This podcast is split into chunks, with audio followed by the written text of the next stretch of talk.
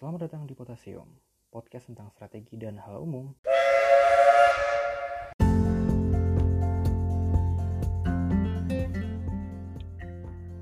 Yeay, kita kembali lagi ke Potasium dan seperti janjiku di episode pertama bahwa di episode kedua ini aku bakal bahas mengenai apa-apa aja yang dilakukan dalam proses perencanaan sebuah strategi, organisasi ataupun perusahaan.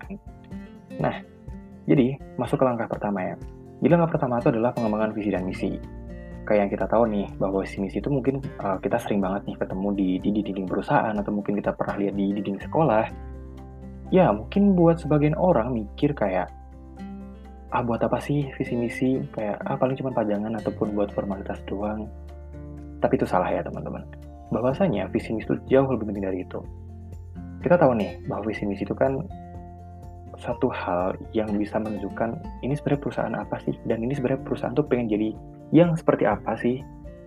Itu dengan visi misi. Kita bisa tahu itu dengan visi misi. Karena gini ya visi itu secara gampangnya bisa kita pahami sebagai sebuah pernyataan yang menjawab pertanyaan mau jadi seperti apa organisasi ini? Dan kayak misalkan kasih contoh nih Samsung Technology sebuah perusahaan teknologi besar ya semua orang tahu lah.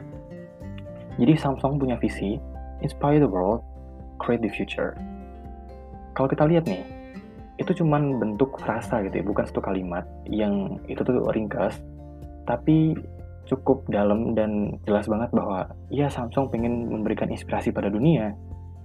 Tapi kan nggak cukup gitu ya kalau misalkan inspire the world dengan cara apa sih? Yaitu itu kita bisa tahu dengan kita mempelajari yang namanya misi. Jadi kalau tadi kita bahas visi itu satu hal yang lebih ringkas dan juga jelas gitu ya tapi kalau misalkan kita pengen tahu lebih lanjut ya kita harus baca misi.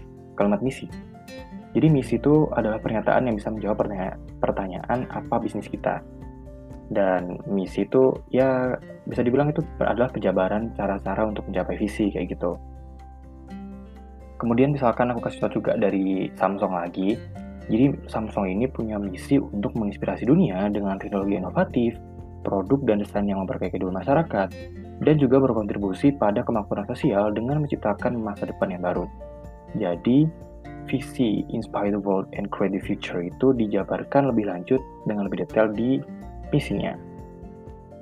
Nah, misi ini juga di beberapa perusahaan lain itu secara umum uh, mengandung informasi yang lebih jelas terkait dengan apa sih uh, jasa atau produk yang ditawarkan, terus juga siapa sih customernya, terus juga lokasi pasarnya di mana, filosofi perusahaannya, dan juga komitmen-komitmen yang memang menjadi concern perusahaan tersebut.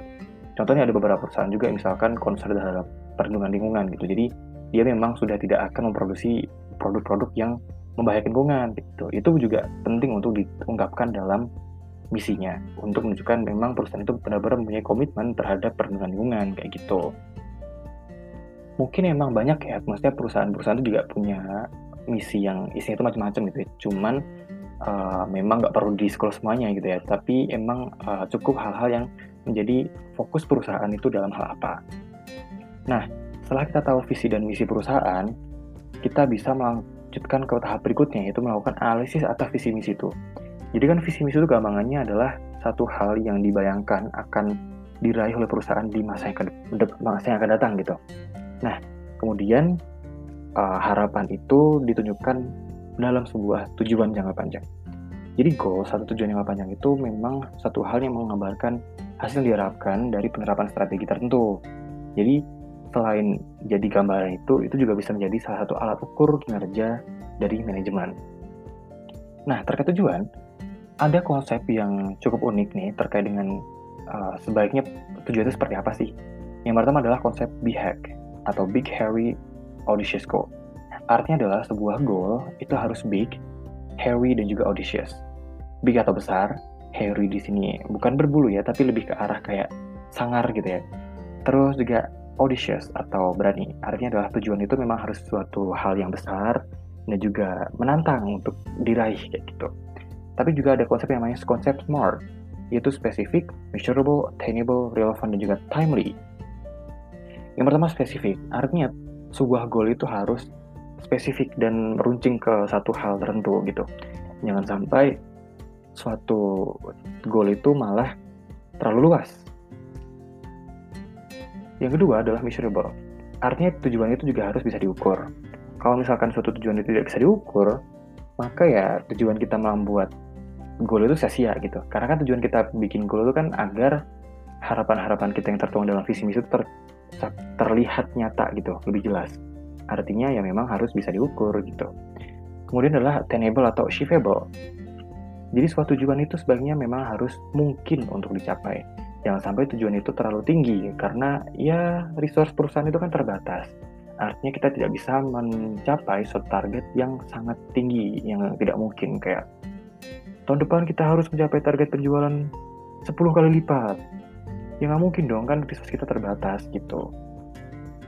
Kemudian yang keempat adalah relevan. Artinya tujuan itu harus memang nyambung gitu dengan visi misi yang kita punya.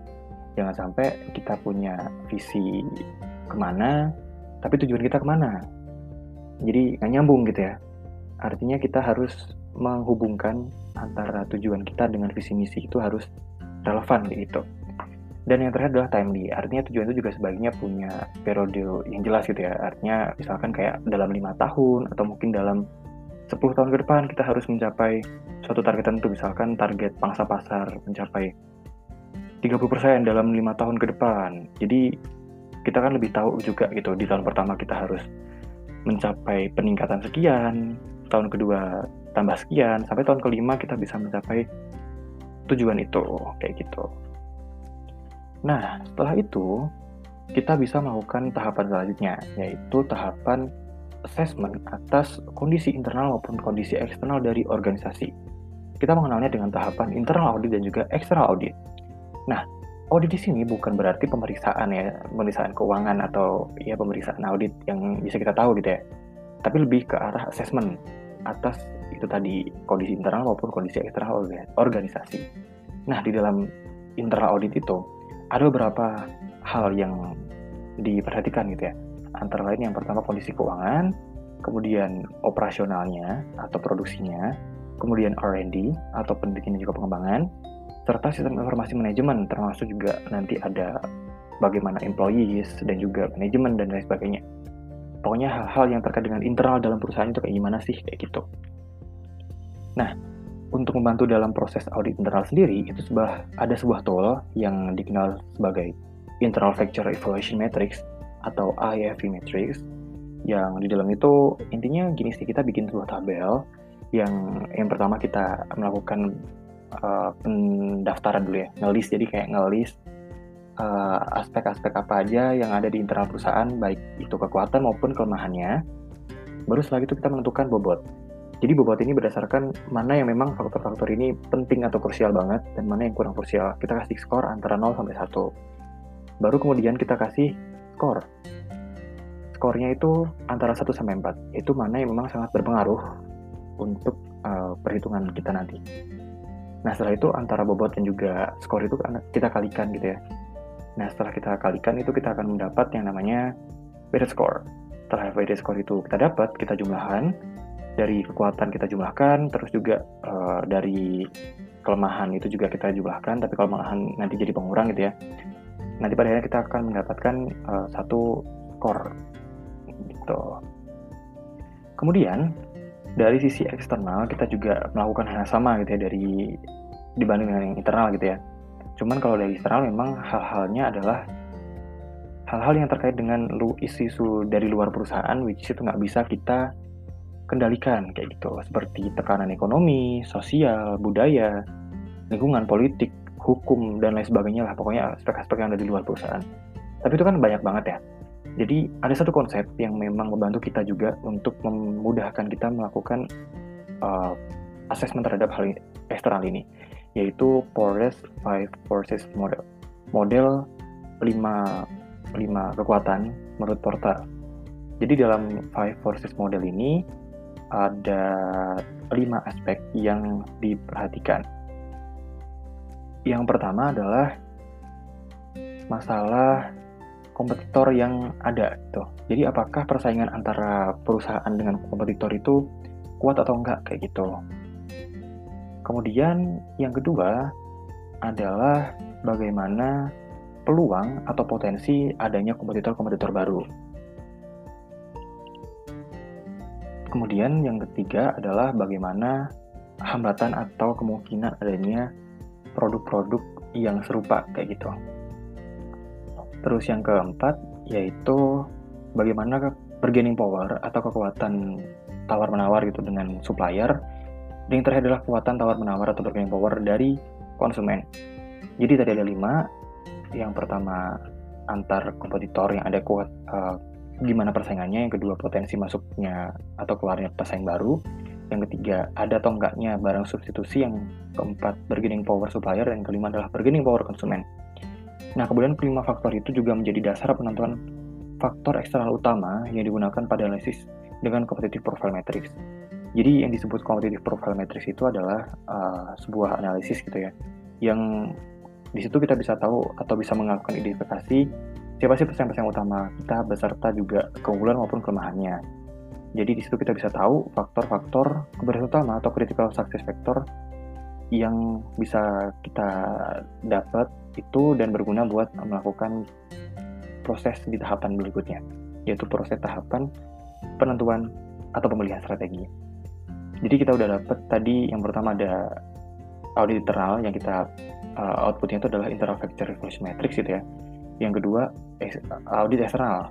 Nah di audit eksternal juga sebenarnya ada matrix juga yaitu external factor evaluation matrix which is itu prosesnya tuh sebenarnya hampir sama dengan yang internal factor ya.